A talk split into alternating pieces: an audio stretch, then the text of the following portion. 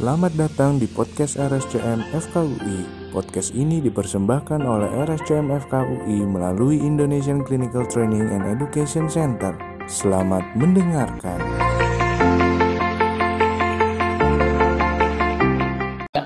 Selamat pagi para pemirsa sekalian.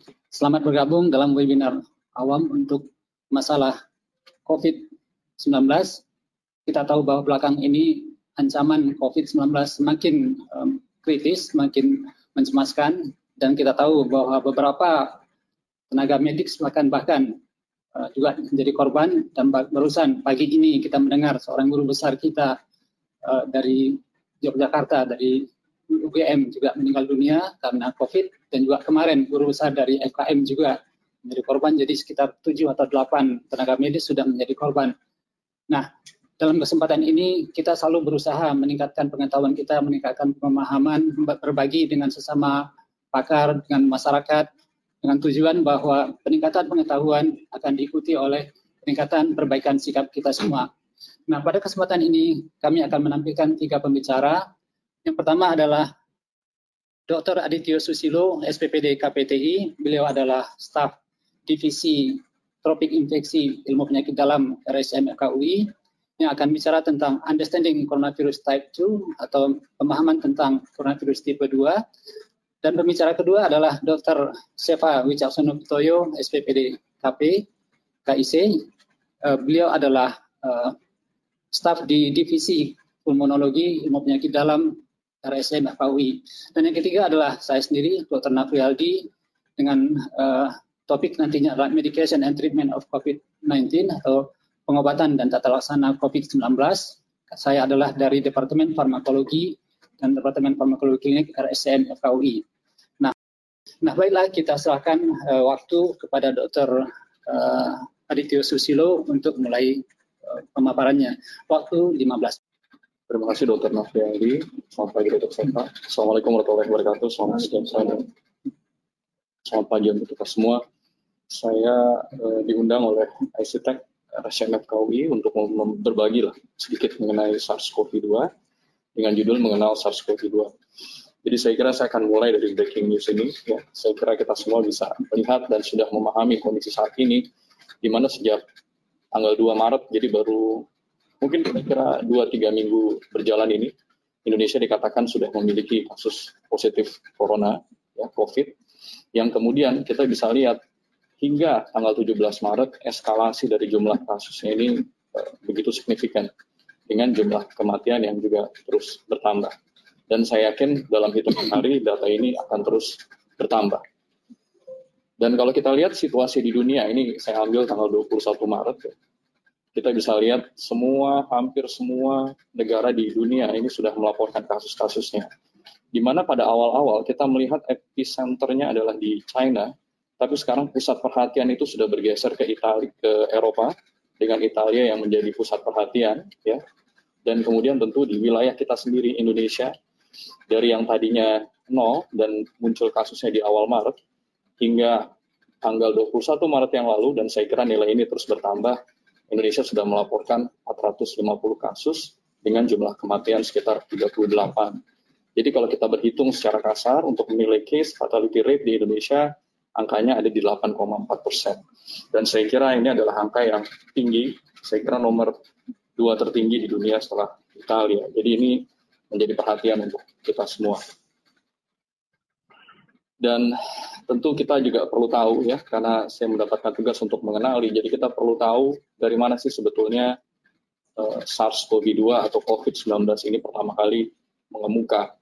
Tentu seperti yang pemirsa sudah pahami ini awalnya adalah di China dengan titik utama epicenternya adalah di Wuhan dan diduga awal ini mulai kasusnya di pasar ikan Huanan di sana. Pasar bukan pasar ikan pasar segar gitu ya yang menjual berbagai hewan yang ada di sana. Hingga kemudian mengalami eskalasi di awal Januari 2020 dan di akhir Januari 2020 WHO kemudian mendeklar ini sebagai suatu global health emergency dan perlu difahami sekarang kita masih di bulan Maret, jadi artinya ini penyakit baru, umurnya masih berjalan tiga bulan, tapi kita bisa melihat dampaknya sedemikian hebat dan luas di seluruh dunia. Dan pada saat kita berbicara COVID ya, kita berbicara mengenai kausanya tentunya. Dan sering kali barangkali pemirsa mendengar bahwa coronavirus adalah eh, virus yang disebutkan sebagai penyebab dari penyakit COVID ini. Dan kalau kita lihat asal nama corona ini adalah dari crown mahkota itu muncul dari uh, gambaran uh, struktur dari virus ini di mana ada tonjolan-tonjolan yang menyerupai mahkota dan untuk itu mereka dikelompokkan ke dalam kelompok coronavirus. Dan kalau dilihat secara filogenetik, ternyata ada kelompok SARS-CoV-virus yang merupakan asal muasal dari virus SARS ya, yang sudah menjadi permasalahan di dunia pada tahun 2002 yang lalu. Ya, ini golongan coronavirus dan kemudian ada juga MERS, barangkali ini juga kita pernah dengar MERS coronavirus.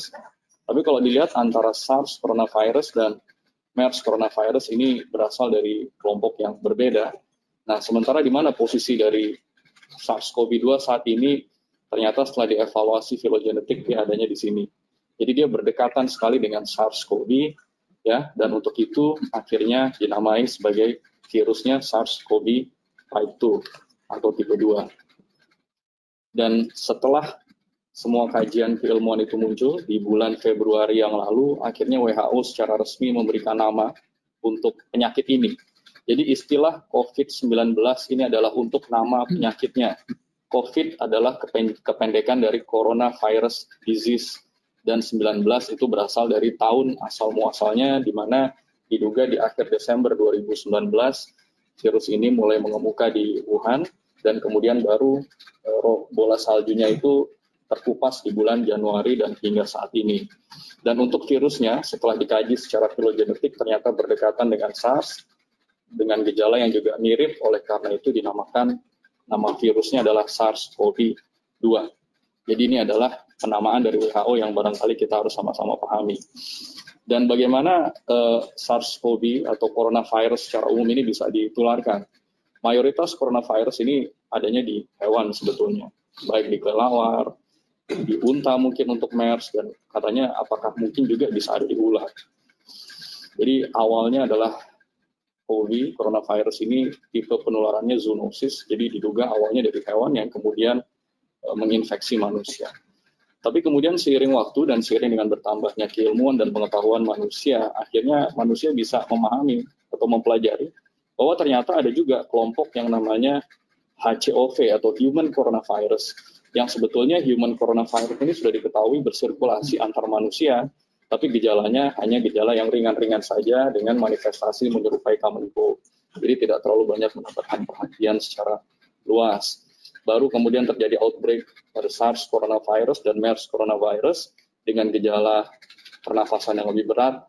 Akhirnya kita mulai melihat bahwa coronavirus ini ternyata memiliki risiko dan bagaimana dengan penyakit yang dinamakan COVID-19 dengan penyebab SARS-CoV-2, bagaimana transmisinya, apakah memang bisa dari manusia ke manusia atau masih manusia ke hewan, tentu dengan data-data yang ada kita semua sudah sepakat bahwa SARS-CoV-2 ini adalah virus yang dapat menyebar antar manusia karena kita bisa lihat angka pertambahan kasus yang sedemikian tinggi saat ini dan sejak 21 Januari 2020 kemungkinan human to human transmission ini sudah di dinyatakan bisa. Jadi dari 21 Januari itu sudah dinyatakan bisa human to human dan terus berjalan dan kita melihat faktanya saat ini di mana jumlah kasusnya bertambah dengan sangat signifikan sebagai dampak dari bukti bahwa penyebarannya bisa dari manusia ke manusia. Dan saya mencoba, mencoba menarik mundur mengenai sejarah dari coronavirus outbreak di dunia. Ya, kita semua sudah paham SARS coronavirus tahun 2002 menimbulkan masalah yang besar. Waktu itu epicentrumnya ada di China dan Hong Kong juga gitu ya. Dan kemudian kemudian kita pernah dengar pernah mendengar juga MERS ya tahun 2012 ya. Ini di Timur Tengah dan saat itu hewan yang diduga menjadi sumber penularannya adalah unta dan kemudian di awal tahun ini kita mendapati SARS-CoV-2 ya sebagai suatu penyebab infeksi yang sudah dikatakan pandemik menyebar di seluruh dunia. Dan pada saat kita berbicara penyakit infeksi yang bersifat wabah atau outbreak seperti ini, apalagi saat ini dikatakan pandemi, tentu yang kita khawatirkan adalah risiko kematian pada pasien-pasien kita. Dan kalau kita coba pelajari dari data-data yang ada, pada SARS coronavirus 2002, itu secara kasar case fatality rate di seluruh dunia berkisar di angka 10 persen. Untuk MERS di 2012 yang lalu, angka itu lebih tinggi di 35 persen. Lantas dengan COVID-19 saat ini, kalau kita berhitung dengan menggunakan data paling tidak satu atau dua hari yang lalu, angka kematian di seluruh dunianya saat ini ada di angka 4,3 persen. Jadi memang terdapat peningkatan dari awal-awal yang masih berkisar 2 persen, 3 persen, sekarang naik di 4,3 persen. Mungkin salah satu penyumbang dari peningkatan angka kematian ini ya salah satunya adalah negara kita, Indonesia, di mana angka kematian kemarin dilaporkan juga terus meningkat selain daripada Italia dan negara-negara lain seperti Iran yang melaporkan jumlah kematian yang cukup tinggi. Lantas pada saat kita berbicara penyakit infeksi, tentu kita harus berbicara mengenai bagaimana caranya dia menular antar manusia. Dari laporan-laporan yang ada ya dari WHO, CDC dan yang lain-lain, memang me mekanisme penularan melalui metode droplets ini masih menjadi titik utamanya ya Di mana kalau droplets itu artinya ada percikan air liur dengan ukuran yang relatif agak besar, lebih dari 5 mikro, ya. dan oleh karena ukurannya agak besar dikatakan dia bisa uh, melayang dan kemudian jatuh karena uh, terpengaruh oleh gravitasi. Dan untuk itu salah satu upaya untuk mencegah terjadinya penularan droplets ini adalah menggunakan masker. Kemudian 1 sampai 2 meter menjaga jarak ini yang mungkin menjadi titik penentu saat ini sedang trending social distancing dan saya kira ini anjuran yang sangat penting dan tentu precautions terhadap droplets dan kontak. Nah, tapi kemudian apakah betul ini hanya bersifat droplet? Apakah ada kemungkinan yang lain yang memungkinkan virus ini juga memiliki sifat aerosolik atau airborne? Kenapa ini menjadi penting? Karena pada saat suatu virus dapat ditularkan melalui mekanisme aerosol, ini tentu risiko infeksinya akan lebih tinggi karena virus bisa melayang di udara dan pencegahannya pun akan lebih sulit karena membutuhkan masker yang lebih khusus. Dan ini ada satu studi yang saya kira cukup baik, ini baru publish tanggal 17 Maret kemarin gitu ya. Dia menguji uh, viability dari virus SARS corona 2 dan 1, di mana ini saya coba buat rangkumannya. Untuk virus SARS corona ternyata memiliki kemampuan untuk bisa bertahan dalam bentuk aerosolik paling tidak selama tiga jam dengan waktu paruh satu setengah jam. Ini adalah studi ilmiah baru yang mungkin harus menjadi kewaspadaan kita semua, terutama dalam hal pelengkapan alat pelindung diri bagi tenaga medis yang menangani langsung pasien-pasien PDP maupun yang confirm. Dan pada saat dia melekat di atas permukaan, waktu paruhnya bisa lebih panjang ya, viability juga bisa lebih panjang, terutama pada permukaan stainless steel atau di plastik. Jadi ini saya kira studi yang amat penting untuk kita bisa uh, meningkatkan kewaspadaan kita. Dan ini adalah prinsip cara penularan. Kalau close contact itu artinya dari percikan air liur ke orang lain dalam jarak dekat, atau air liur itu bisa jatuh, nempel di permukaan, disentuh oleh orang lain, kemudian dia mengusap hidungnya, akhirnya dia tertular. Tapi yang lebih bahaya adalah airborne, di mana airborne ini dia bisa terbang, tanpa dia harus berdekatan sama orang yang menjadi sumber infeksi, orang lain bisa tertular oleh karena partikelnya terbang di udara. Dan saat ini saya kira itu perlu mendapatkan perhatian kita. Untuk gejala klinis nanti Dr. Seva akan menjelaskan lebih banyak, tapi saya menyinggung sedikit saja bahwa oleh karena coronavirus ini adalah virus yang memang filipnya ada di respiratori, jadi gejala-gejala pernafasan ya, seperti demam, batuk, sesak nafas, ya ini menjadi pintu masuk kecurigaan kita terhadap kemungkinan COVID dan Indonesia sudah mengadop pedoman dari WHO ya. Setiap bulannya buku panduan kita berubah. Dan yang terakhir yang warna biru ini tanggal 16 Maret ya. Jadi awal hari Senin yang lalu buku ini dikeluarkan. Dan tentu pemirsa dan sejawat semua sudah memahami ada istilah PDP pasien dalam pengawasan dan ODP orang dalam pemantauan. Dengan kriteria seperti tertera di depan yang mengacu kepada WHO. Tapi kalau saya boleh buat rangkumannya kira-kira seperti ini jadi pada pasien-pasien yang mengalami gejala yang muncul dalam 14 hari, ya tentu di Indonesia maksudnya dan di tempat lain, tapi untuk ini tentu panduan untuk di Indonesia. Pada pasien-pasien yang memiliki demam atau riwayat demam dengan cut off suhu lebih besar sama dengan 38 derajat Celcius, ditambah satu saja gejala pernafasan, bisa batuk atau pilek atau nyeri tenggorokan atau sesak nafas, dan dia berada di negara atau area yang terjangkit, dalam hal ini Indonesia sudah dianggap sebagai negara terjangkit, pasien seperti ini sudah masuk kriteria PDP. Atau pasien dengan demam atau riwayat demam, dan dia mendapatkan bukti bahwa dia pernah berkontak dengan pasien yang sudah terbukti dari PCR-nya memang pasien itu positif terhadap uh, SARS-CoV-2 atau COVID. Jadi demam ditambah riwayat kontak dengan yang confirm atau probable ini juga masuk definisi PDP atau nggak perlu pakai demam, ada gejala ISPA saja ya ditambah dengan riwayat kontak ini juga masuk kriteria PDP. Kriteria PDP yang lain adalah pada saat kita merawat pasien dengan ISPA yang berat atau pneumonia yang berat, di mana ada kriteria lebih lanjut di buku panduan tersebut, dan kemudian mereka mengalami perburukan klinis di saat perawatan tanpa sebab yang jelas, begitu, ini juga hati-hati bisa masuk kriteria PDP. Lantas apa bedanya dengan ODP? Kalau ODP ada demam atau ada gejala pernafasan, jadi bukan dua ya, milih satu demam atau gejala pernafasan, ditambah dia berada di negara area terjangkit, ini termasuk kriteria ODP. Dan pada prinsipnya beda PDP dan ODP, tentu kalau PDP pasien harus segera dirujuk supaya bisa dirawat inap isolasi di rumah sakit. Dan yang paling penting pemeriksaan spesimen ini harus segera dilakukan untuk membuktikan bahwa betul atau tidak dia terinfeksi SARS-CoV-2. Untuk ODP karena gejalanya lebih ringan ya masih dianjurkan untuk isolasi diri di rumah. Tapi menurut kriteria terbaru ODP ini tetap juga harus diperiksa spesimennya bekerja sama dengan siapa? Bekerja sama dengan Fasiankes setempat dan Dinkes untuk mengambil bahan spesimen tersebut. Dan pasien tersebut mengurung diri di rumah selama dua minggu. Apabila terjadi perburukan, dia statusnya naik di PDP dan kemudian rawat di rumah sakit. Lantas ini yang sering kali menjadi pertanyaan banyak orang. Apa yang dimaksud dengan orang yang berkontak erat dengan pasien-pasien? Jadi tentunya banyak tenaga medis ya atau mungkin masyarakat yang berkontak dengan pasien yang PDP atau confirm gitu kemudian kebingungan dan ini saya kira panduan yang dikeluarkan oleh kementerian pada saat perbedaan antara kontak erat PDP dan ODP. PDP, ODP semuanya bergejala.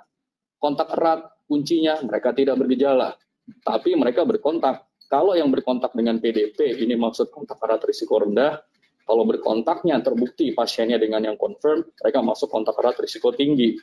Perbedaannya, pada kelompok yang kontak erat risiko tinggi, mereka pun dianjurkan untuk di stay dulu dan kemudian diuji spesimennya. Jadi diambil spesimen untuk membuktikan apakah mereka juga ikut kemasukan virus itu atau tidak. Jadi saya kira ini panduan umum yang mungkin nanti Dr. Seva akan menjelaskan lebih lanjut. Lantas bagaimana dengan data-data yang ada di luar negeri? Ya, saya kira kita bisa lihat bahwa pada proses perjalanannya perburukan itu umumnya terjadi setelah minggu pertama dan begitu juga pengalaman kami, Dr. Seva, saya, Dr. Nasrialdi, bahwa memang beberapa pasien yang kita PDP-kan itu umumnya gejala memburuk setelah minggu pertama dan gejala yang paling sering kita dapatkan adalah demam, hampir selalu disertai dengan demam tinggi, kemudian batuk dan sesak nafas. Dan pada gambaran radiologi, ya ini yang yang cukup khas adalah gambaran CT scan, di mana ada gambaran ground glass opacity ya. Gambarannya seperti ini halus sekali. Sebagai bukti adanya viral pneumonia dan saya kira ini adalah gambaran radiologis yang perlu mendapat perhatian. Dan ini adalah studi yang baik sekali di Singapura di mana mereka mencoba melakukan uji PCR secara berkala. Di mana pada pasien-pasien yang memang dicurigai dan terbukti dia terus melakukan uji evaluasi PCR ternyata untuk mendapatkan bukti viral clearance dari PCR epitel itu ternyata tidak mudah oleh karena itu, meskipun pasien-pasien yang mereka rawat sudah tidak bergejala, ternyata bisa jadi masih mungkin mereka masih terus men-shadingkan virus dari respiratori. Jadi ini studi penting yang perlu kita waspadai. Lantas untuk pengobatan nanti Dr. Nafrialdi akan membahas lebih lanjut. Ada nggak pilihan antivirus, vaksin, dan yang lain-lain yang bisa kita lakukan untuk pasien-pasien kita? Dan untuk akses publik, saya kira apa yang dikerjakan oleh pemerintah terkait social distancing, ini nggak cuman pemerintah kita WHO menganjurkan dan kemudian rajin cuci tangan, perhatikan diri sendiri dan kalau kita ada keluhan segera datang ke tenaga medis dan yang paling penting kita harus terus waspada terhadap perkembangan yang ada. Dan yang satu lagi mungkin mohon maaf cuci tangan secara teratur menggunakan sabun dan air atau hand sanitizer. Saya kira itu terakhir dari saya Dr. Nafri Aldi. Mudah-mudahan bermanfaat. Terima kasih. Assalamualaikum warahmatullahi wabarakatuh. Assalamualaikum Terima kasih Dr. Arifio atas pemaparannya yang cukup jelas dan komprehensif. Kita masuk kepada pembicara kedua yaitu Dr. Sheva Wicak Sunopitoyo yang akan bicara tentang gejala dan how to overcome, bagaimana kita bersikap terhadap gejala tersebut. Uh, kita persilakan waktu 15 menit. Terima kasih Dr. Nasrialdi. Baik, saya mendapat tugas untuk berbicara tentang gejala dan bagaimana mengatasi gejala tersebut. Jadi saya berasumsi bahwa yang saya tugas saya adalah berbicara tentang uh, bagaimana gejala klinis yang pada akhir akan membawa kepada diagnostik dan kemudian bagaimana memberikan tata laksana suportif atau simptomatik dari gejala tersebut. Karena nanti terapi definitifnya mungkin dokter Ali akan uh, lebih banyak membicara, uh, apa, menyampaikan. Baik, saya memulai lagi dengan uh, tampilan ini saya memulai lagi dengan tampilan ini yang tadi sudah digambarkan oleh dokter uh, siapa? Dokter Adit, dokter Adityo. Jadi saya mencoba menggambar apa yang di saya mencoba menggambar apa yang terjadi di Indonesia. Ini adalah grafik yang terjadi di Indonesia. Uh, ini posisi terakhir tanggal 23 kemarin, Dokter Adit sudah menggambar sampai tanggal 17 tadi. Ini posisi terakhir kita. Dan kalau lihat bagaimana kejadiannya di Cina, di China mereka kondisinya seperti ini. Jadi nggak bisa pakai ini aja ya.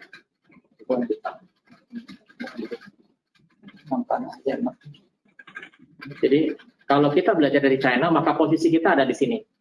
Ini pada hari-hari pertama ketika uh, kasus mulai beranjak naik, kesembuhan belum ada, dan kemudian kematian sudah mulai satu dua muncul.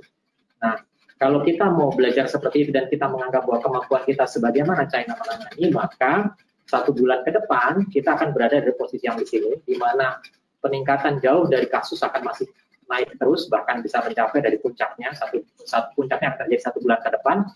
Di China waktu itu mencapai sekitar 70 ribu kasus, dan kesembuhan mulai mencapai separuhnya 30 ribu kasus, dan kematian uh, masih di bawah 10 ribu tentu sampai pada akhirnya mereka kematian hanya sekitar hampir 4 ribu ya.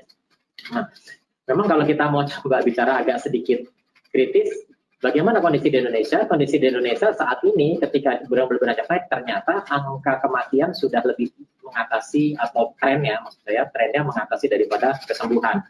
Kalau mereka pada awalnya belum kelihatan, baru kemudian jelas berpisah, kesembuhan lebih banyak daripada kematian tentu ini agak sedikit mengkhawatirkan kita karena kemampuan kita untuk menjaga atau mensurvivekan pasien kita ternyata lebih buruk. Nah ini yang mungkin saya akan coba highlight di sini bukan sekedar simptomatiknya. Kenapa saya katakan kita konsentrasi kepada uh, faktor kematian dan bagaimana life support kan? Kenapa? Karena pertama diagnostik itu bisa macam-macam dan sebagian besarnya itu adalah gejala ringan. Gejalanya itu bisa bisa salah satu dari semua gejala ini ada demam, ada sakit perut, diare muntah, kemudian ada pilek, ada batuk, ada sesak napas, ada gangguan pernapasan yang lain, ada gangguan jantung. Tapi semua ini itu saya harus ingatkan dari pengalaman saya dapatkan kasus pertama kita di sini, itu ternyata banyak yang bisa muncul salah satunya dulu.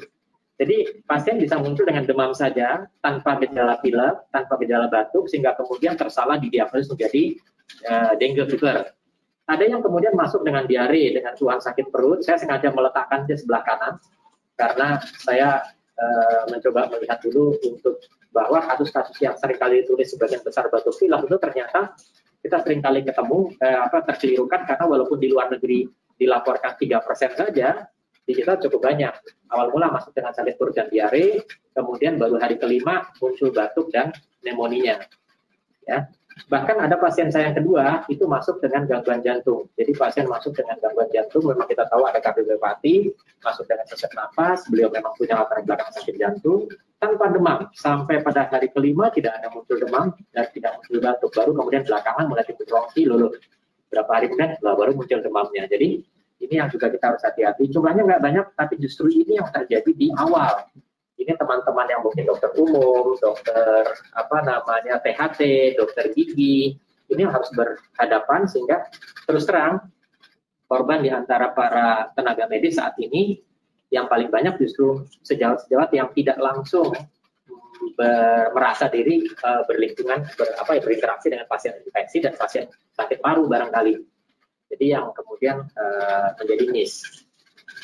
Nah, kalau kita bicara tentang derajat uh, berat pasien penderita COVID-19 ini, itu mulai dari yang hanya sekedar pembawa, carrier, tidak bergejala, bisa juga mereka yang spa tanpa komplikasi, bisa pneumonia ringan, bisa pneumonia berat, bisa gagal nafas, sampai ARDS, dan juga bisa menunjukkan gejala sepsis dan subseptik. Presentasinya makin sedikit, makin ke bawah itu, tetapi kita kan tentu tidak ingin ada satupun yang menjadi korban. Gejala klinis, uh, pendekatan diagnosisnya bagaimana? Yang pertama dari gejala klinis tadi ya, ada curigaan, kemudian setelah itu ada riwayat berpergian ke daerah terjangkit. Mohon maaf nih slide-nya slide dua minggu yang lalu, jadi uh, masih belum diupdate. Sekarang bukan berpergian lagi, di kita sekarang adalah berada di daerah terjangkit, bukan sekedar uh, berpergian. Jadi mereka-mereka di Indonesia ini ada sekitar 17 provinsi, terutama DKI paling besar. Jadi kalau riwayat berpergian ke DKI dan 17 daerah provinsi itu atau hidup di situ itu sudah termasuk kriteria masuk. Pemeriksaan laboratorium rutin kita mesti cek, ada kekhasannya yang laboratorium sekarang kita mulai lihat adalah cenderung untuk tidak leukositosis, cenderung untuk limfopenia dalam hitung jenis kita bisa bisa lihat limfopenia kalau kita punya pemeriksaan CRP, kita bisa melihat CRP-nya tinggi seakan-akan seperti bacterial infection, tapi prokalsitoninnya rendah. Jadi uh, berbeda dengan viral infection di mana uh, eh, CRP-nya tidak terlalu tinggi, pada kasus ini tinggi menunjukkan inflamasi sangat hebat, tetapi prokalsitonin tidak meningkat. Kemudian kita bisa lakukan foto dada, sering kali pasien yang batuk pilek ringan ternyata fotonya mulai ada filtrat. Kalau mau diperjelas, biasanya kami justru melakukan CT scan pada yang foto data, foto dadanya bersih. Kalau foto dadanya sudah tegak, biasanya kita tidak lakukan CT scan lagi.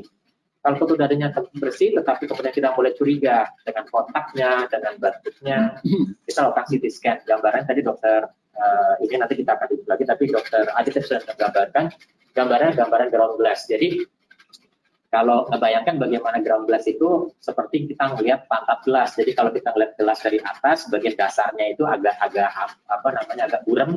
Nah, kira-kira gambarannya seperti itu. Uh, diagnostiknya pengambilan spesimen dari usap hidung atau tenggorok dan tenggorokan dulu dan tenggorokan sekarang salah satu kemudian itu segera dikirim dalam waktu satu kali 24 jam ke sekarang saat ini pemeriksaan standarnya masih dilakukan secara resmi di Litbangkes dan Balitbangkes di daerah-daerah ada pemeriksaan yang sekarang ini baru muncul dan kemarin dibawa ke apa diadakan oleh pemerintah kita yaitu pemeriksaan serologi.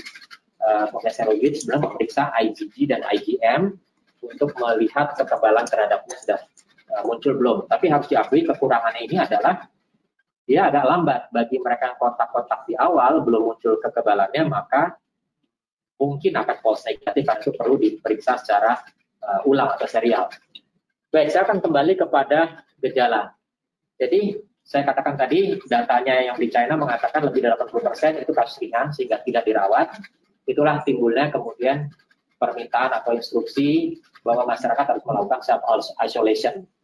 Di China mereka bisa melakukan isolasi kuat sehingga uh, supply kepada penduduk itu mereka kirim uh, penduduk sedapat mungkin tidak keluar, benar-benar di rumah sehingga mereka membatasi uh, pergerakan dan kontak satu sama lain.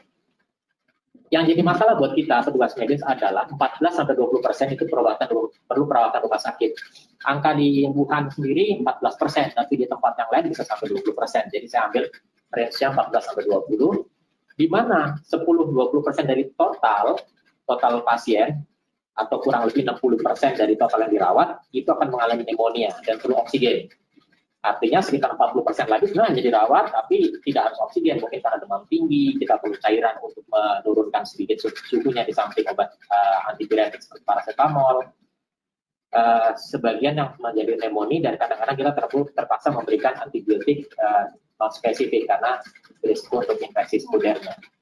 Nah, yang lebih mengkhawatirkan lagi adalah separuhnya lagi atau 40-75% yang dirawat itu akan masuk ICU dan perlu ventilasi mekanik karena terjadi ARDS.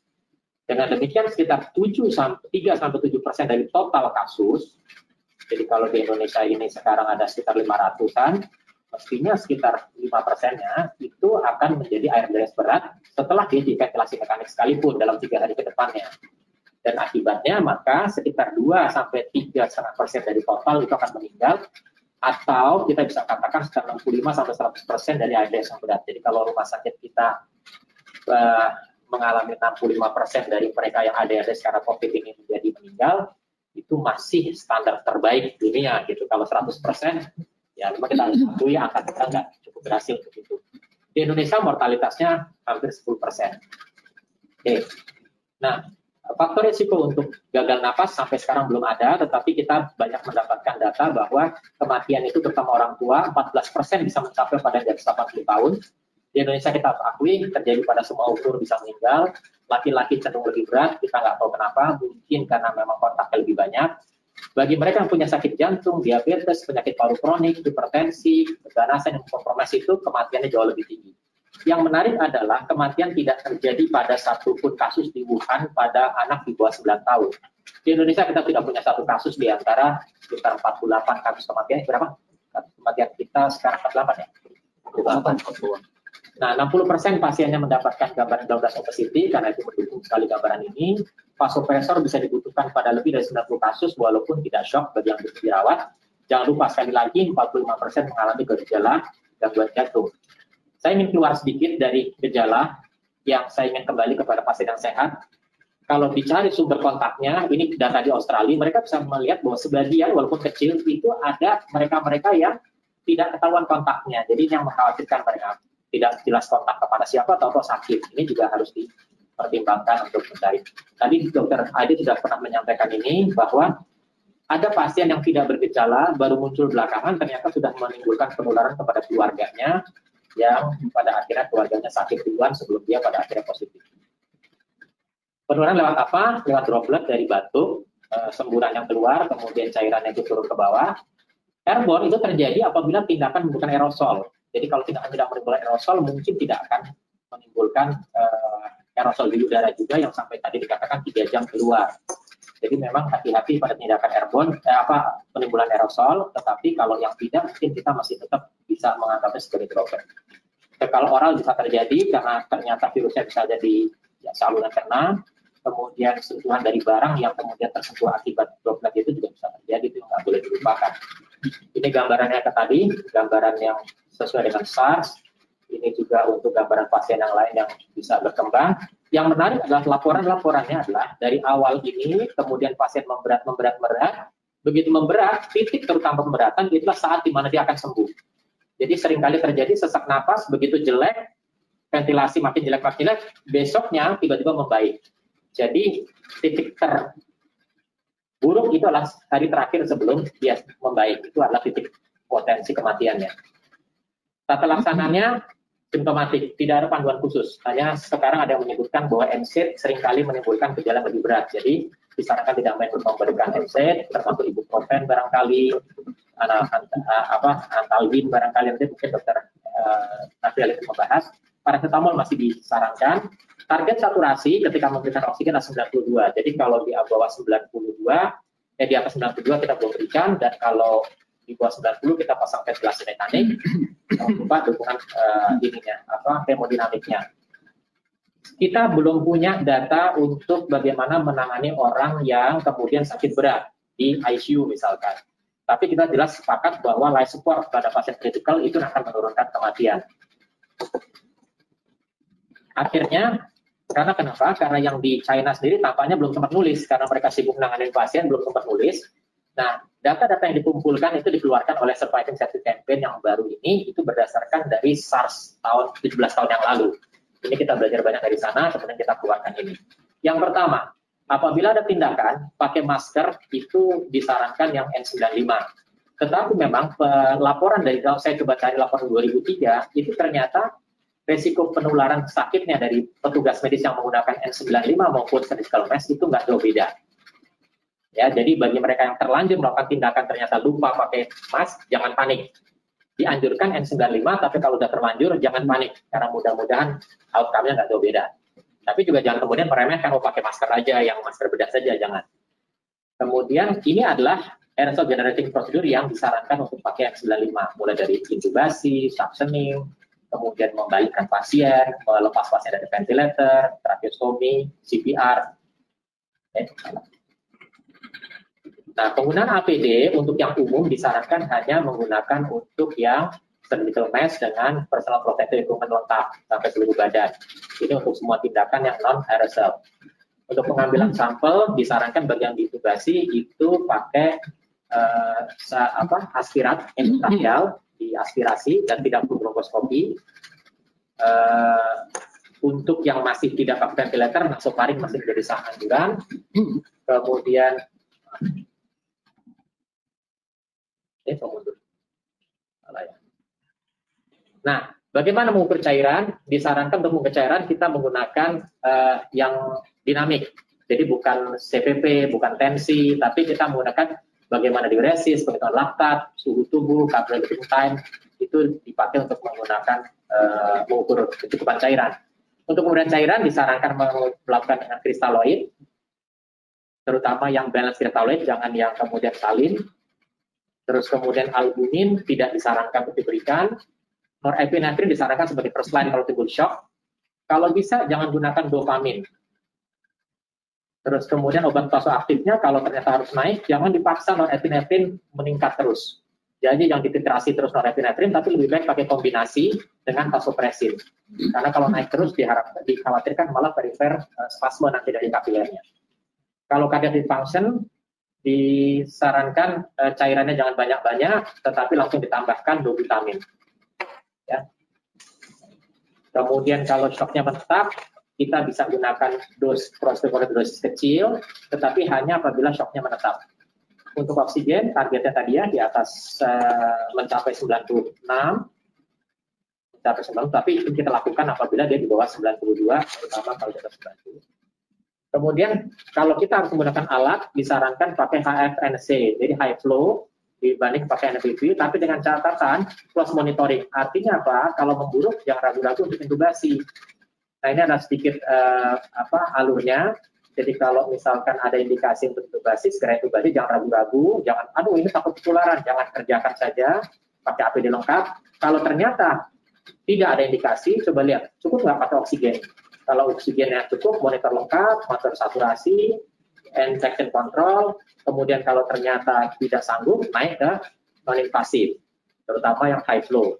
Kalau tidak disanggup, maka segera kembali ke uh, intubasi. Ketika intubasi, jangan lupa pakaian 95, terus kurangi staf di ruangan, kurangi petugas. Kalau bisa disarankan intubasinya tidak pakai laryngoscope, tapi pakai hidoskop. Ventilasi mekanik tetap kita sarankan menggunakan low tidal volume, 8 cc per kilo saja.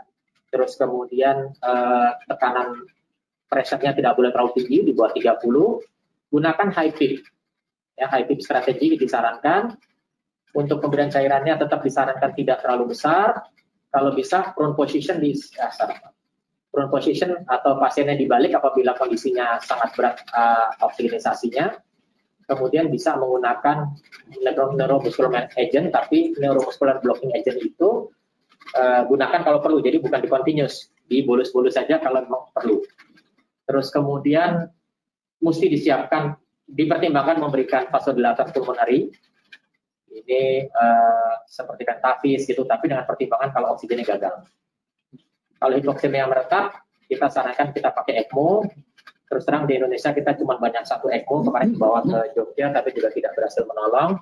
Itu satu-satunya. Kemudian ini adalah jalur tadi ya, kapan kita menggunakan PIP, NMBA dibolus kalau perlu, kemudian rekor manuver, proposisi, NMBA, terus kemudian kita lakukan tidal volumenya kecil. Uh, teorinya itu katanya sitokin yang banyak uh, pada uh, infeksi atau peradangan di parunya karena itu steroid bisa dipertimbangkan tetapi apabila yakin bahwa itu tidak bisa ditolong dengan yang lain. Jadi steroid hanya untuk ARDS, kalau tidak ada ARDS tidak usah. Antibiotik hanya apabila pasien pakai ventilator. Ya, obat-obat yang lain bagaimana ini akan dibahas oleh dokter Napriadi lagi nanti untuk obat yang kira-kira untuk terapi definitifnya saat ini belum ada kepastian yang jelas ada kemudian chloroquine dan seterusnya. Ini adalah obat-obat yang tadi uh, tidak jelas atau belasan setengah jelas mungkin dokter Naftali yang lebih banyak. Dari saya itu mungkin yang bisa saya gambarkan, mudah-mudahan bisa membantu untuk menangani pasien ya di daerah masing-masing. Terima kasih. Assalamualaikum. Terima kasih Dokter Seva.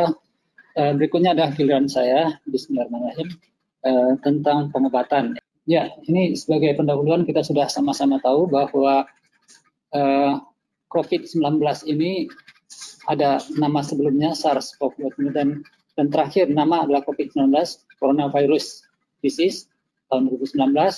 Nah, ini penyakit yang kita tahu menularnya sangat cepat sekali. Nah, sifatnya fatal walaupun self limiting. Nah, dulu sering disebutkan bahwa ini penyakit self limiting walaupun fatal. Sekarang kita cenderung membalik. Ini fatal walaupun self limiting. Kita harus menekankan bahwa sifat fatalnya ini harus membuat kita sangat hati-hati. Nah, kemudian diumumkan oleh eh, WHO sebagai pandemi. Jadi seluruh dunia sudah kena. Gitu ya. Nah, kasus di Indonesia hampir 600 kasus, 500 ya, dan kematian sudah 48 dengan case fatality rate atau mortalitas 8,4 persen, nomor dua setelah Italia. Jadi eh, cukup tinggi ya. Nah ini perlu membuat kita prihatin kenapa kok tinggi di negara kita. Nah, tata laksana bersifat suportif, artinya obat yang definitif belum ada, obat yang memiliki bukti ilmiah yang kuat atau yang kita sebut sebagai evidence base itu belum ada. Namun ada beberapa obat yang memberi harapan dan itu sudah digunakan. Nah, tinggal kita evaluasi lagi apakah obat ini sudah paling bagus atau kita buat lagi kemungkinan lain atau kita evaluasi, kita modifikasi dan lain sebagainya. Nah, kita sebelum uh, bicara tentang obat, kita lihat dulu beberapa step ya. Uh, ini mekanisme hidup dari virus ini. Uh, kalau kita lihat ada beberapa tahap, ada delapan tahap kuman itu masuk. Pertama attachment, dia nempel dulu di sel, kemudian dia uh, penetrasi dan uncoating, artinya dia masuk dan melepaskan uh, kapsulnya. Nah, selanjutnya dia akan melakukan reverse transcription, artinya dia mensintesis materi genetiknya dengan memanfaatkan materi genetik dari sel host, sel uh, orang yang sakit atau jamu istilahnya ya. Nah, kemudian ada integrasi dengan anti sel dan selanjutnya transkripsi lagi dia akan menambah lagi uh, materi genetiknya dan assembly dia membuat nanti dibuat virus baru anak-anak virusnya yang banyak sekali dalam satu sel. Nah, setelah akhir ini dia akan ingin keluar. Nah, kita lihat di sini ada budding, artinya dia menonjol selnya seolah-olah uh, seperti bisul ya, bisul yang ingin pecah, dia mencari jalan keluar. Nah, uh, nanti pecah dan dia akan keluar jumlah yang sangat banyak dan menginvasi atau menginfeksi sel-sel yang lain yang tadinya masih sehat. Nah, itu akan terpropagasi berulang-ulang. Nah, kemudian ada beberapa obat yang bisa bekerja di beberapa tempat. Kita lihat di sini uh, kloroquine. Nah, ini unik. Kloroquine ini bekerja di awal sekali. Begitu virus mau masuk, nempel di sel, nah dia membatasi di sana. Nah, kemudian ada obat lain yang uh, contohnya favipiravir, remdesivir, itu di tengah-tengah pada waktu sintesis materi genetik dari uh, virus ini. Nah, kemudian ada yang sekarang kita pakai oseltamivir, dipakai di protokol rumah persahabatan. Pada proses mau keluarnya, pada waktu bisulnya mau pecah, nah itu di akhir-akhir ya. Nah, nanti kita akan bahas obat ini secara singkat saja satu persatu.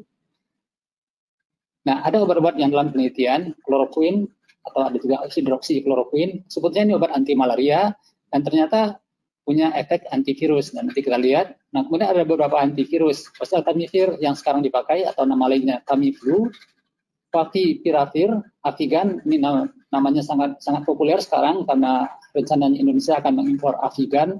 Ini suatu obat yang membuat uh, memberikan harapan ya bahwa ini suatu obat yang kita sangat harapkan bisa memperbaiki kondisi pasien. Ritonavir, lopinavir cukup lama, ini sebetulnya obat HIV, dan remdesivir, ini obat MERS dan obat Ebola. Nah, ada juga yang memakai interferon dan lain sebagainya. Kemudian ada vitamin C dosis tinggi dan lain-lain herbal drugs. Ini banyak sekali yang mengiklankan atau mengklaim ada herbal drug yang bisa atau obat herbal yang bisa uh, mengatasi uh, penyakit uh, coronavirus ini. Nah, ada obat lain juga yang dari publikasi kita lihat interferon, lopinavir, ritonavir, ribavirin, kloroquine, arbidol dan lain sebagainya. Nah, kita lihat dulu satu obat yang cukup menarik ini, klorofin fosfat. ini anti malaria yang sudah lama sekali dipakai, cuman punya efek anti amuba dan juga anti inflamasi dipakai pada rheumatoid arthritis dan pada systemic lupus erythematosus atau SLE. Dan ternyata juga punya efek antivirus dan potensi efek antivirusnya spektrum luas. Artinya beberapa virus potensial akan diatasi oleh uh, kloroquine ini. Nah, secara in vitro ada data mengatakan bahwa pengujian dia menghambat coronavirus ini pada kadar yang rendah. Artinya dengan kadar rendah pun dia sudah bisa menghambat masuknya virus ini ke dalam sel. Sementara kadar sitotoksiknya itu kadar yang mematikan sel sel uh, manusianya, sel hostnya itu jauh lebih tinggi. Jadi sekitar 80-90 kali lipat ditingkatkan baru dia akan merusak sel hostnya. Tapi jangan salah pengertian ya kalau memakai dinaikkan sampai 90 kali nggak apa-apa. Itu selnya mati. Tapi sebelum itu pun orangnya bisa mati sebetulnya kalau ditingkatkan. Jadi tidak harus sel mati dulu bahwa orangnya mati. Jadi peningkatan dosis harus tetap hati-hati karena ada efek lain sebelum sitotoksik ya. Mekanisme kerja atau mekanisme of action meningkatkan pH endosom dan menghambat fusi atau penyatuan virus dengan sel host ini sangat penting ya, sangat awal sekali dia bekerja.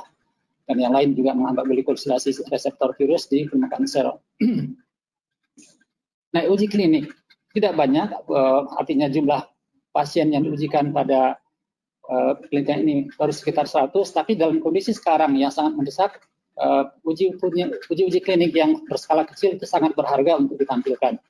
100 pasien uh, menimbulkan memberikan hasil bahwa kloroquine lebih superior dibanding kelompok kontrol, artinya dengan pengobatan yang tidak pakai kloroquine. Dalam hal mengurangi eksaserbasi atau kekambuhan, memperbaiki gambaran ronsen paru, memperpendek lama sakit, dan juga mempercepat konversi negatif virus. Nah, kemudian kita lihat obat yang kedua, oseltamivir atau Tamiflu yang sekarang digunakan di Indonesia. Nah, dia menghambat neuraminidase, menghambat banding virus. Nah, ini di akhir, kita lihat di akhir. Jadi pada waktu virus itu mau keluar dari sel, sudah uh, selnya bisul ya, bisulnya mau pecah. Nah, di sana yang dihambat. Nah, tentu saja bahwa setiap obat tidak pernah bekerja 100%. Dia menghambat, masih ada yang lolos, yang berhasil keluar. Sama juga kloroquine, dia menghambat, masih ada yang berhasil masuk ke dalam sel. Itu selalu demikian. Nah, obat ini digunakan tadinya untuk influenza A dan influenza B. Nah, ternyata beberapa influenza A itu sudah resisten dan beberapa yang baru katanya masih sensitif. Nah, bagaimana efektivitasnya terhadap coronavirus yang sekarang, COVID-19? Itu belum ada data ya, karena yang uh, banyak menggunakan negara kita, tapi datanya sekarang itu adalah sudah 500-an pasien, itu sudah saatnya kita menilai efektivitasnya. Dan kalau gambaran kasarnya kita lihat mortalitasnya masih 8,4 persen, tertinggi dunia nomor dua. Nah, itu uh, perlu menjadi perhatian kita bahwa uh, apakah tidak resisten.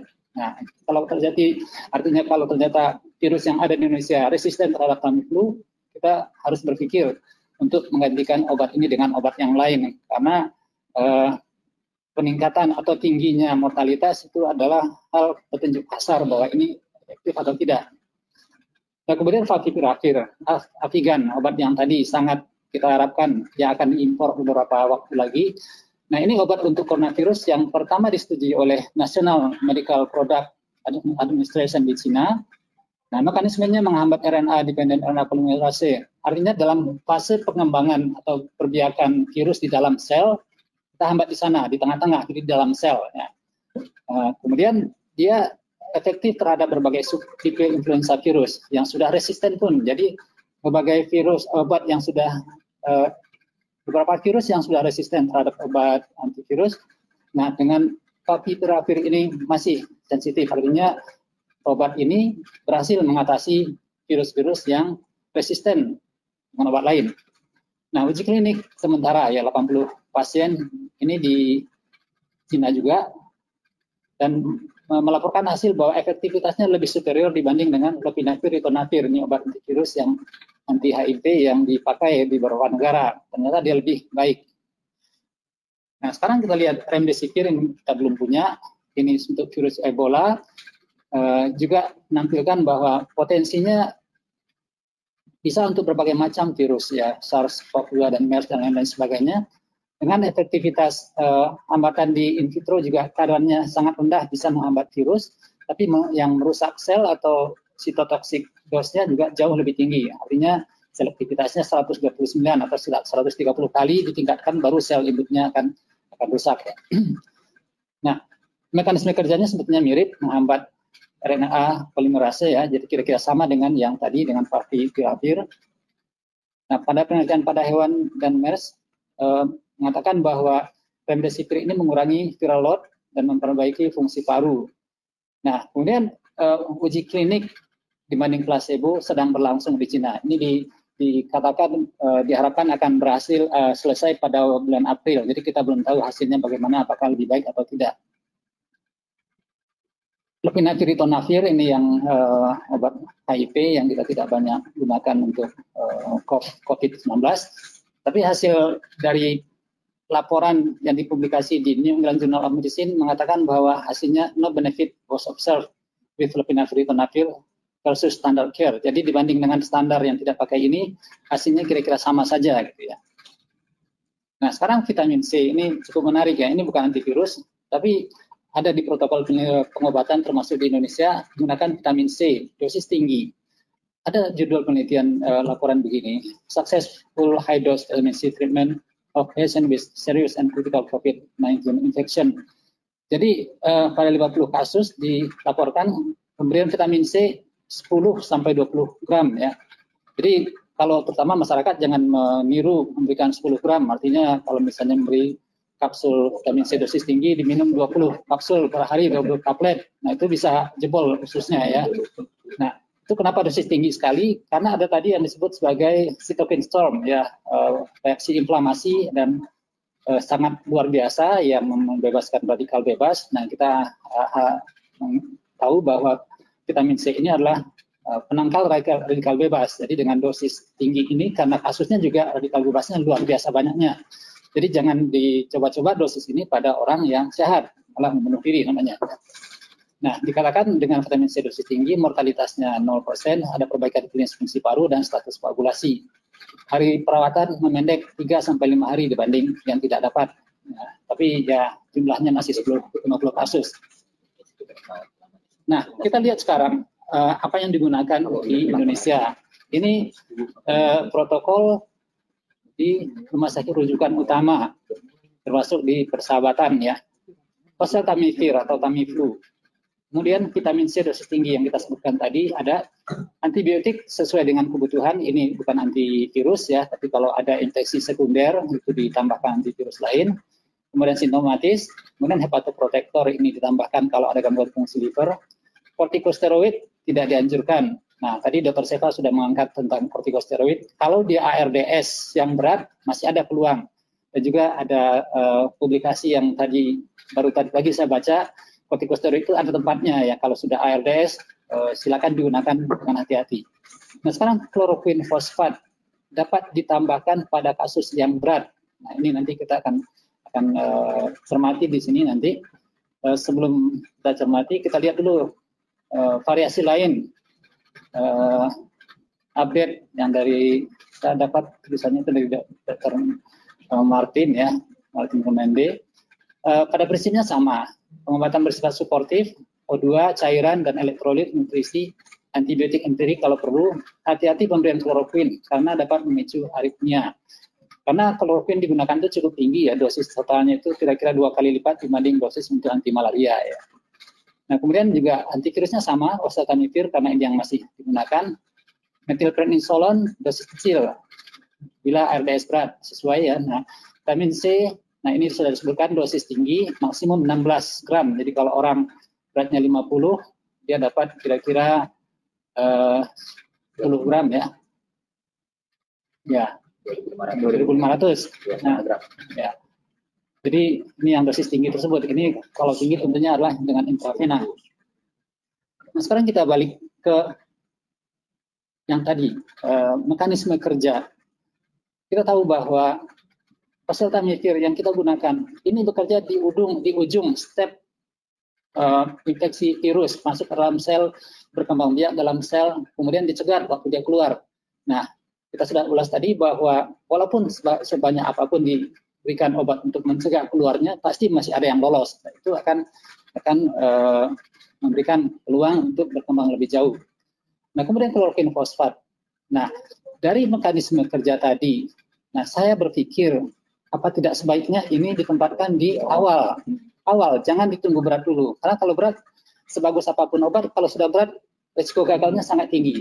Nah, jadi kalau saya merasa bahwa kloroquine fosfat ini harus diberikan pada awal yang belum berat. Jadi begitu kita diagnosis, bahkan misalnya kita curiga sangat kuat, itu saatnya diberikan. uh, walaupun belum confirm. Nah, kita bisa bercermin ke uh, pengobatan lain. Kenapa kalau kita mau ke Papua dikasih obat malaria, padahal belum tentu kita kena malaria, tapi beresiko itu diberikan. Pada pasien-pasien HIV, kalau CD4-nya sudah rendah, diberikan obat profilaksis TB. Kenapa diberikan? Itu karena dia berisiko tinggi. Nah, demikian juga pasien-pasien yang PDP yang kita sangat sangat curiga bahwa itu uh, akan konfirm akan jadi positif. Nah itu saya kira di sana kita sudah mulai. Hanya saja mungkin dosis ini kita modifikasi karena dosis dua kali 500 ribu jadi berarti 5 ribu. Ini kita lihat kalau kasus berat dosis tinggi. Kalau kasusnya ringan apakah dosis tinggi atau tidak. Nah yang penting adalah ini tidak diberikan pada orang yang ODP yang harus masih dalam pemantauan apalagi pada orang yang masih sehat. Nah kita lihat di berita-berita media massa Eh, masyarakat itu memborong untuk mencegah diri sendiri pada mereka sehat. Jadi untuk orang sehat tidak diberikan. Pada orang yang masih dalam pemantauan itu juga belum. Nah, pada PDP, pasien dalam pengawasan yang kita sudah cukup curiga bahwa ini ke arah COVID-19, nah itulah yang saya pikirkan perlu dipertimbangkan kita mulai di sana gitu ya. Nah ini nanti tentunya akan dibicarakan uh, bersama ya, saya uh, para ahli termasuk Dr. Seva di bagian paru akan membaca tentang itu nanti akan membahasnya.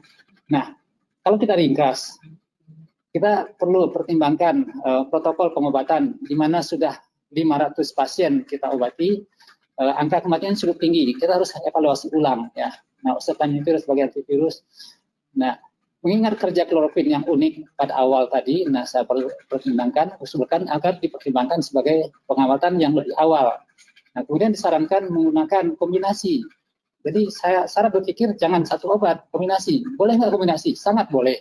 Karena kalau kita bercermin pada kasus sepsis misalnya, sepsis itu kita gunakan antibiotik double, kadang-kadang triple. Nah ini bukan sepsis lagi, tapi sepsis massal. Jadi penggunaan obat kombinasi juga sangat logis, sangat bisa dipertanggungjawabkan. Jadi saran saya begitu, uh, dari awal kloroquine masuk, tambah oseltamivir atau Avigan tadi, kalau itu uh, sudah masuk di Indonesia, kita sangat harapan uh, kombinasi dengan Avigan itu akan sangat menurunkan uh, mortalitas. Kita berharap nanti yang 8% itu akan turun-turun-turun, ya mudah-mudahan bisa mendekati garis nol. Nah kemudian vitamin C dan asetilsistein belum pernah disebut-sebut. Apakah ada harapan? Nah, kita berpikir ini adalah standar antioksidan. Kalau ada inflamasi yang berat, biasanya dipakai asetilsistein. Nah, ini belum pernah dilihat. Ini juga perlu dipertimbangkan apakah bisa dimasukkan sebagai jajaran terapi atau tidak. Demikian eh, paparan saya. Terima kasih. Dan kita akan masuk ke dalam eh, diskusi. Kita akan menunggu pertanyaan-pertanyaan dari eh, audiens atau pemirsa yang kita bisa lihat nanti uh, silakan mulai dan nanti ditujukan ke siapa uh, akan dijawab oleh uh, pemberi materi.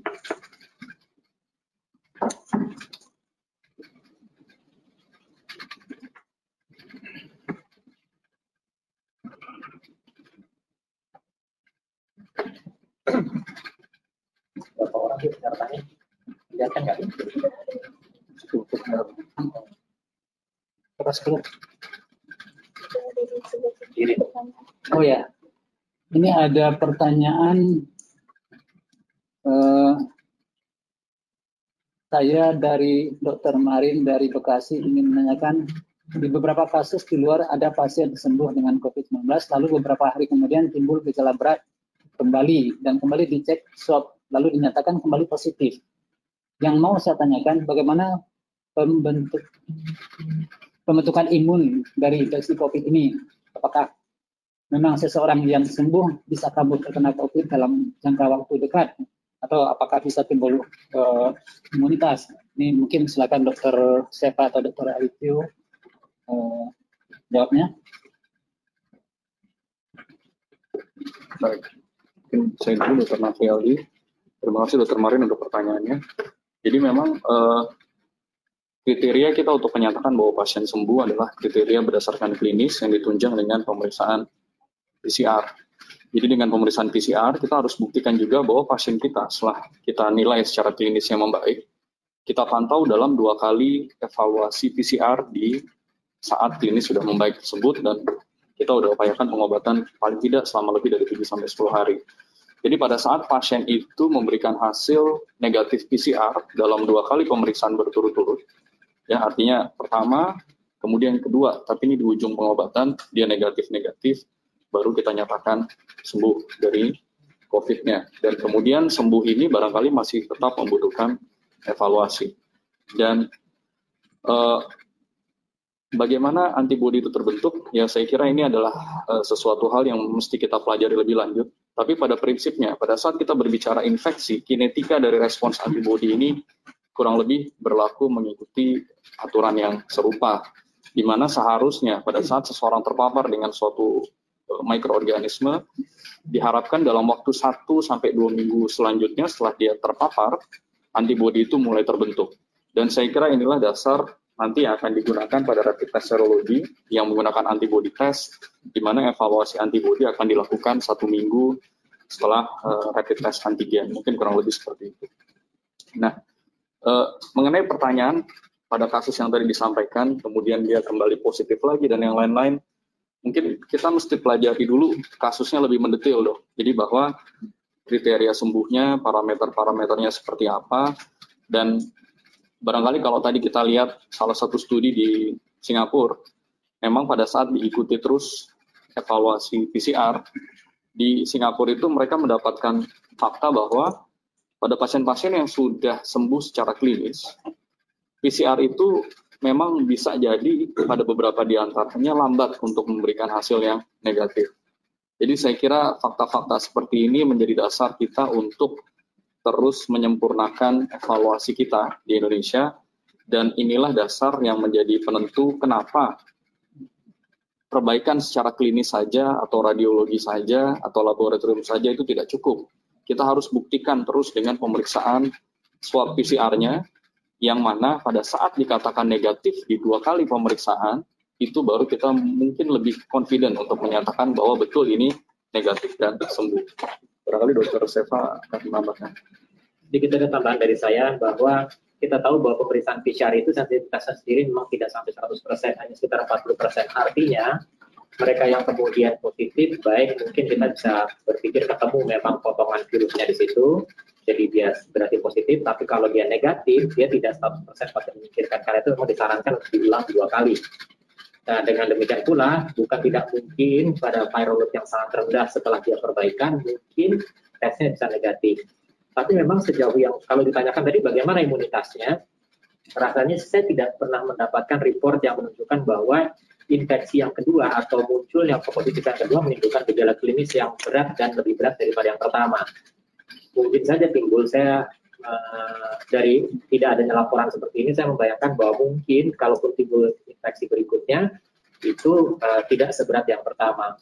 Imunitas bisa terjadi dan kemudian mungkin pada saat imunitasnya belum belum maksimal masih bisa sakit. Seperti orang sakit virus katakanlah morbillilah, kalau kena tidak kena lagi, tapi kadang-kadang ada yang bisa kena, tapi kan lebih ringan daripada yang pertama. Begitu dokter. Ya, terima kasih. Kita pindah ke penanya kedua, Bapak Sasongko. Saya belum mengerti mengenai penularan penularan melalui aerosol bisa dijelaskan kembali apa yang dimaksud dengan aerosol? Apakah artinya tadinya droplet lalu tertiup angin? Di kurang ini. Ya, Dokter Adityo. Baik, terima kasih Dokter Materiali, terima kasih Pak Sasongko.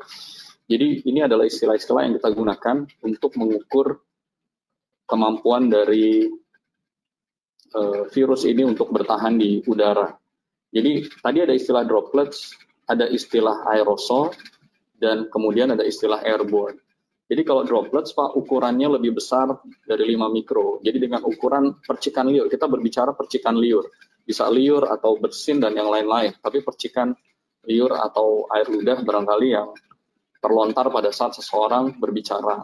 Dan kemudian pada saat dia batuk atau bersin mungkin lontarannya juga bisa lebih jauh karena ada tekanan di situ. Nah, pada saat dia dikatakan droplets, percikan ini ukurannya besar lebih dari 5 mikro. Sehingga karena ukurannya besar, dia akan mengikuti daya gravitasi, di mana lontaran ini akan tertarik gravitasi dan kemudian jatuh.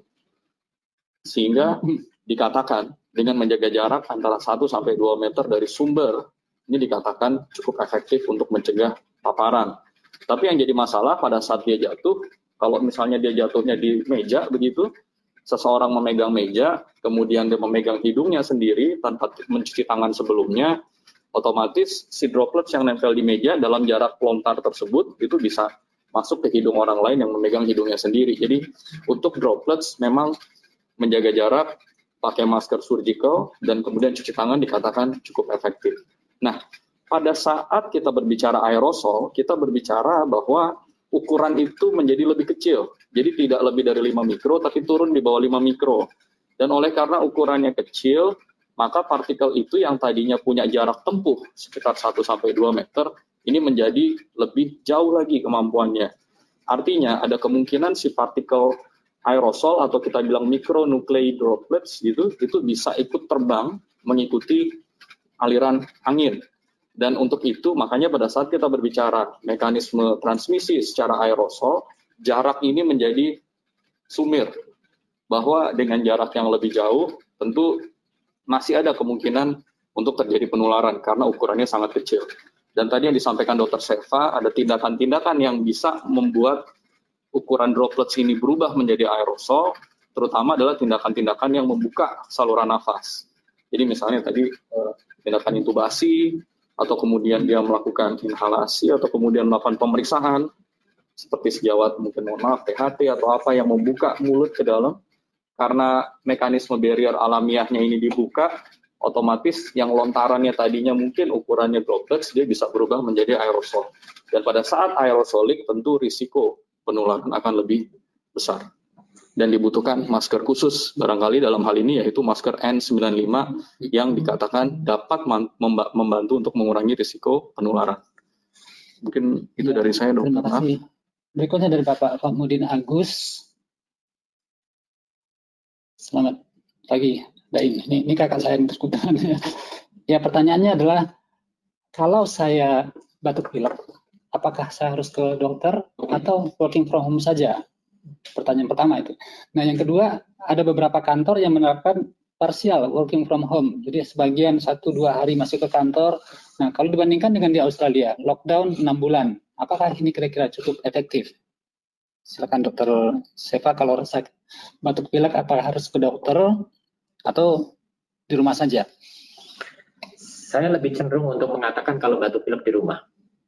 Sekarang pergi keluar berisiko sebetulnya hmm. untuk lebih ke rumah sakit ya di mana ada pusat infeksi itu lebih berisiko. Kalau ringan, sebagian penyakit termasuk COVID ataupun yang lain termasuk common cold, influenza itu kan self-limiting. Hmm. Jadi kalau dia tidak punya gejala yang harus perlu ke rumah sakit, mungkin tidak usah. Ya. Kalau hanya betul. Tapi kalau demamnya tinggi dan tidak tahan, kemudian dahaknya berubah menjadi kental dan kemungkinan perlu antibiotik, nah, mungkin perlu ke dokter untuk meminta antibiotiknya. Saya pikir itu secara simpel. Ya. Kemudian yang tadi parsial, yang ada yang parsial. Menerapkan gitu. untuk yang parsial. Saya pikir ya. itu bagus untuk mengurangi uh, social uh, interaction ya, mengurangi kontak manusia dengan manusia yang lain. Itu akan mengurangi. Jadi otomatis resiko penularan akan lebih berkurang. Kalau itu bisa dilakukan, tentu semua perusahaan akan menghitung kemampuannya bertahan dengan di mengurangi pekerjaan begitu. Ya, ini yang mungkin harus dilakukan, dipikirkan oleh setiap perusahaan. Nah, pertanyaan berikutnya dari Dr. Stephen Layantara. Uh, saya mau bertanya untuk orang yang baru datang dari daerah terinfeksi tanpa gejala, apa perlu dicek spesimen? Kalau menurut pedoman diisolasi 14 hari, tapi kita tahu kalau ada kasus positif tanpa gejala, nah untuk seperti ini bagaimana? Apakah perlu dicek atau tidak? Ya, terima kasih ya. dok. Jadi kalau kita lihat dari buku panduan yang dikeluarkan oleh Kemenkes ya awal minggu kemarin, itu memang anjuran untuk orang-orang yang datang dari luar negeri atau dari daerah yang terjangkit ya mungkin kita berbicara suatu tempat lah gitu ya itu dianjurkan memang yang bersangkutan untuk melakukan self quarantine jadi yang bersangkutan stay at home dia juga membatasi aktivitas fisiknya bahkan tidak dengan tetangga bahkan bahkan untuk anggota rumahnya pun dia harus lebih berhati-hati dan kemudian tentu menerapkan prinsip-prinsip pencegahan droplets dengan barangkali menggunakan masker, cuci tangan dan yang lain-lain. Dan bagi yang bersangkutan dia harus terus memantau kondisinya. Kenapa 14 hari? Karena dikatakan masa inkubasi rata dari uh, SARS-CoV-2 ini dikatakan adalah sampai dengan 14 hari. Dan pada saat dia mengurung self isolation atau self quarantine di rumah, selama periode 14 hari, Kalau terus dia tidak ada gejala, ya mungkin kita bisa berasumsi bahwa yang bersangkutan dalam kondisi tidak terinfeksi. Tapi pada saat yang bersangkutan menunjukkan gejala, misalnya tadi ada demam, atau kemudian ada batuk, maaf, ada gejala respiratori gitu, salah satu di antaranya saja, atau ada dua-duanya bahkan, di sinilah titik di mana statusnya yang tadinya dia tidak bergejala, kemudian berubah menjadi bergejala, dan di sinilah titik dia mungkin dia harus mulai bertimbang untuk bertemu dengan tenaga medis untuk berkonsultasi apakah dia masuk kriteria PDP atau ODP. Pengambilan swab mengikuti uh, statusnya yang bersangkutan, apakah dia PDP atau ODP. Tapi untuk kontak erat risiko jelas pada kasus ini tidak karena memang dia tidak terbukti berkontak dengan orang lain yang mungkin dianggap PDP atau confirm sebelumnya. Jadi ini anjuran yang memang ada di buku panduan tersebut yang saya kira kita harus ikuti uh, secara luas. Begitu mungkin dokter Naf. Ya, terima kasih dokter Radityo. Uh, berikutnya ada pertanyaan dari Juliana. Uh, ini Haslev ya, Haslev. Mengapa hipertensi meningkatkan risiko? Uh, dokter siapa barangkali? Ya, uh, memang mekanisme belum jelas. Yang kita tahu bahwa uh, salah satu uh, reseptor uh, tempat virus masuk itu di dalam sel manusia adalah ketika dia punya uh, reseptor ACE atau iotonic converting enzyme uh, apa namanya uh, uh, reseptor. Dari situ maka mereka-mereka yang punya uh, bukan dari situ maka mereka-mereka yang terkena untuk infeksi uh, COVID ini itu akan uh, bisa terkena bukan hanya paru-parunya tapi juga uh, sistem kardiovaskulernya baik miokardnya maupun pembuluh darahnya dan otomatis kalau yang mereka sudah punya latar belakang penyakit jantung atau hipertensi, tentu risiko terhadap damage terhadap uh, organ itu akan lebih besar. Itu yang menyebabkan kemudian bisa mengalami gangguan jantung dan uh, risiko shocknya akan lebih besar. Maka kita bisa uh, pahami juga kenapa mortalitas meningkat. Ya, uh, berikutnya ada dari Pak Slamet Wahid Katsuri, selain terapi paracetamol, jika pasiennya ada riwayat alergi. Nah, ini begini, masalah tadi diangkat bahwa uh, ibuprofen misalnya untuk turun panas tidak dianjurkan. Nah, itu sebetulnya masih ada kontroversi antara setuju tidak setujunya ya. Dan ada beberapa publikasi juga yang mengatakan kalau Anda menggunakan itu silakan terus tidak apa-apa, tapi ada juga kalau bisa diganti silakan diganti. Nah, ini pada pasien yang panas alergi paracetamol. Nah, cara lain kita bisa berikan misalnya uh, surface cooling dikompres itu bisa atau kalau memang terpaksa diberikan nah uh,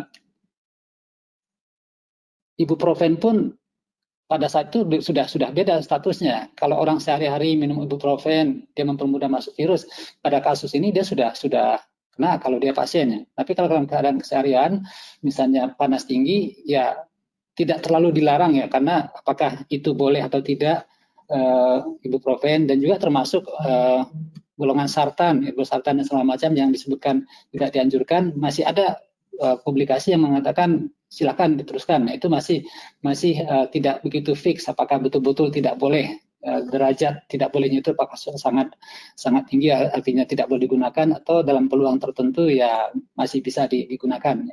Jadi demikian. Nah, kemudian eh, ada pertanyaan berikutnya ini, uh, Menteri Kesehatan menekankan bahwa penyakit ini bisa sembuh sendiri. Nah, pertanyaannya berapa persen dari orang yang terkontaminasi bisa self recover? Dan apa usahanya? Kira-kira berapa persen dari orang yang pernah terkontaminasi? Contohnya dokter gitu ya, itu ini agak sulit nyangka kalau angka ya. Uh, ya dokter Aditya. Uh, jadi ini sebetulnya kita butuh data kita butuh data untuk bisa menjawab pertanyaan ini. Karena ini pertanyaan yang ya memang secara teori bahwa virus ini seharusnya sifatnya self-limiting. Tapi tadi saya sangat setuju dengan yang disampaikan oleh Dr. Nafrialdi. Tetapi penyakit ini fatal gitu. Penyakit ini punya risiko fatal meskipun dia bisa mengalami self-limiting. Jadi saya kira konsep ini yang mesti ditekankan dahulu.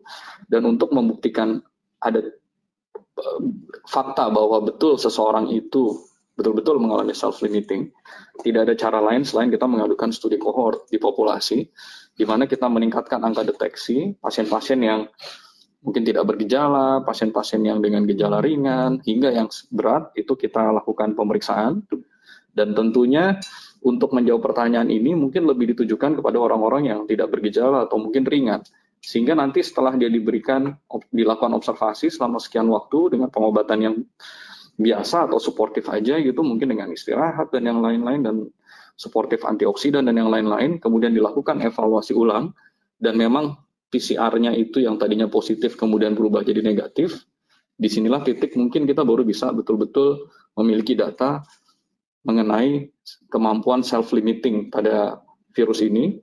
Dan kemudian tentu pertanyaan selanjutnya, apa yang membuat orang-orang yang seperti ini kemudian mampu melewati prosesnya ini dengan aman sampai akhirnya virus itu hilang. Jadi sebetulnya ini ada pertanyaan besar lain yang mungkin bisa memberikan informasi yang besar juga untuk kita bahwa ternyata pada subset seperti ini dengan kinetika seperti ini meskipun dia tidak mendapatkan pengobatan yang spesifik tapi ternyata karakter individunya mampu menimbulkan efek proteksi yang baik sehingga dia mampu melewati fase infeksinya dengan aman dan akhirnya mendapatkan bukti viral clearance dan dia sembuh.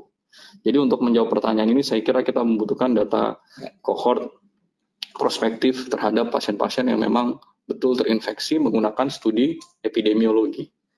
Mungkin itu. Ya, baik. Uh, sedikit ya, jadi ada beberapa hal yang mungkin kita bisa lihat dari data yang di China ya. China itu mereka melaporkan 80 ribu kasus totali, tapi sebetulnya kalau kita lihat yang positif tesnya itu hanya 44 ribu. Artinya sekitar 45 persen itu mereka diagnosis dari klinis dan kontak. Tidak ada yang kontak, kemudian timbul klinis, itu mereka laporkan sebagai kasus positif walaupun tesnya negatif. Nah, kemudian sebaliknya, mereka juga berusaha menghitung dari ketika ada seorang yang kasusnya positif, itu mereka hitung mundur kapan kontak terakhir yang bisa dicurigai sebagai sumber penularannya. Kemudian mereka melihat bahwa sepanjang se mulai timbul kontak sampai kemudian timbul sakit di area inkubasi, itu dianggap dia sudah berpotensial menularkan, sehingga kemudian orang yang semua kontak di sekelilingnya itu dianggap mereka yang kemudian terpapar tapi tidak tidak sakit. Dari situ mereka bisa menghitung bahwa rata-rata sekitar 10% saja dari yang terkontak itu timbul tertul uh, sakit. Jadi 90% mungkin tidak menimbulkan sakit. Kemudian dari uh, itu juga bisa menebak angka total ke kasus dari perakiraan jumlah kasus dengan jumlah kematian. Jadi kalau kita hitung-hitung, kalau dihitung-hitung secara kasar, dari jumlah kematian kita, dari jumlah case kita, Terus terang saja untuk di Indonesia ini kita temukan sekarang 500 lebih kasus positif. Itu kemungkinan yang sebetulnya orang mengidap walaupun sudah belum ketemu di apa pusat apa pengobatan fasilitas kesehatan belum ketemu itu yang ada di lapangan itu sekitar empat kali lebih besar daripada angkanya. Jadi kalau sekarang 500an mungkin sekitar 2000 2500 itu sebenarnya sudah beredar atau berjalan-jalan sekeliling kita. Itu kira-kira Ya, uh, berikutnya ada dari Ibu Ai Siti Sutilah ya. Saya petugas satu ruangan dengan petugas lain yang sudah positif COVID dan sering kontak 8 jam sehari. Nah, masuk kriteria apa? Apakah ODP atau PDP kali itu? Ya, ya, jadi seperti panduan yang kita sudah sama-sama lihat ya, untuk ibu kalau misalnya memang yang tadi berkontaknya sudah confirm positif dari hasil pemeriksaan, berarti Anda termasuk kriteria kontak erat risiko tinggi selama ibu tidak bergejala. Kalau ibu bergejala, mungkin statusnya langsung berubah jadi PDP karena berkontak dengan orang yang positif. Tapi kalau tidak bergejala, kontak erat risiko tinggi. Yang dilakukan pada kelompok kontak erat risiko tinggi ini harusnya dirumahkan sapi sebelumnya dilakukan pengambilan spesimen untuk diswab untuk membuktikan bahwa apakah ibu betul mohon maaf ya kemasuk sudah kemasukan virusnya ini atau belum dan apabila nanti hasilnya keluar baik positif atau negatif tentu kalau negatif lebih tenang dicek di awal kemudian di hari ke-14 tapi kalau positif nah di sinilah titik mungkin harus dilakukan evaluasi lebih lanjut dengan tim Pinere di rumah sakit e, ibu bekerja. Ya, terima kasih. Nah, ini berikutnya masalah pengobatan uh, selain NSAID, ekinase yang merupakan komposisi imbus dan propolis juga tidak disarankan untuk treatment COVID terkait dengan aktivasi interleukin 6. Apakah informasi ini benar? Nah, uh, kebanyakan informasi tentang reseptor S2, kemudian obat-obat, baik obat medical ataupun obat-obat herbal, itu didasarkan pada hipotesis dari potensinya mengubah reseptor tersebut ya dan itu dihipotesiskan akan meningkatkan risiko. Namun sebetulnya apakah betul-betul demikian itu juga perlu evaluasi ulang ya. E, kalau misalnya e, kurkuma misalnya, kurkuma itu juga ada yang mensinyalir jangan di, dikonsumsi. Nah, tapi dari sisi lain juga ada efek positifnya yang kita tahu juga banyak ya. Nah, sehingga sebetulnya kalau dalam hal ini kita belum bisa pasti mengatakan jangan total atau silakan dikonsumsi yaitu masih masih uh, kontroversi jawabannya ya. Uh, maaf sekali kita tidak bisa memberikan jawaban yang sangat sangat uh, artinya hitam putih ya iya atau tidak ya. Tapi cukup banyak yang berpendapat kalau misalnya seperti kurkuma atau yang lain-lain itu cukup baik efeknya selama ini. Nah, apakah untuk COVID betul-betul terbukti negatif itu juga belum ada data sebetulnya, tapi hipotesisnya seperti demikian. Nah kemudian uh, dari gizi, pertanyaan panjang sekali nih ya. Uh, ringkas saja, apakah setelah pasien dinyatakan sembuh dengan hasil negatif, artinya virus benar-benar tidak ada dalam tubuh, apakah ada kemungkinan virus COVID dalam keadaan dorman atau laten? Di negatifnya itu dia laten sebetulnya dorman. Jawabannya kita belum tahu. Ini adalah virus baru yang kemudian kita masih banyak berasumsi dan kasusnya juga masih baru pendek. Jadi terus banyak belum tahu kita. Nah, kita berharap bahwa virus dengan sudah terbukti bahwa dia bisa memancing menimbulkan IgE dan IgM itu berarti bisa memancing imunitas tubuh. Jadi dengan demikian eh, kita masih tetap berasumsi bahwa dia bisa memunculkan kekebalan. Ya, terima kasih. Uh, pada para pemirsa sekalian, uh, tidak terasa waktu sudah hampir setengah 12, sudah lewat dari jatah waktunya. Uh, kita hampir mendekati akhir acara ini, kita bisa simpulkan bahwa banyak hal yang harus kita pelajari lagi di dalam uh, menghadapi kasus wabah ini, uh, dan kita harus meningkatkan sikap kita untuk sifat prevensi, eh, sikap hidup yang baik, juga mengisolasi diri juga harus ditekankan lagi untuk kepatuhannya dan lain sebagainya. Dan kita juga perlu mengevaluasi ulang eh, protokol pengobatan dan eh, kita harapkan dengan berbagai usaha dari semua pihak kita akan eh, mendapatkan hasil yang mudah-mudahan lebih baik dan kita selalu berdoa semoga eh, wabah ini cepat berlalu dari negara kita. Nah, kami mohon maaf banyak sekali pertanyaan yang tidak bisa dijawab karena waktu yang terbatas. Dan dalam kesempatan ini kami selesai cukupkan demikian dan kami ucapkan terima kasih kepada pemberi materi Dr. Seva dan Dr. Adityo dan juga para pelaksana. Demikian kita tutup. Assalamualaikum warahmatullahi wabarakatuh. Waalaikumsalam warahmatullahi wabarakatuh.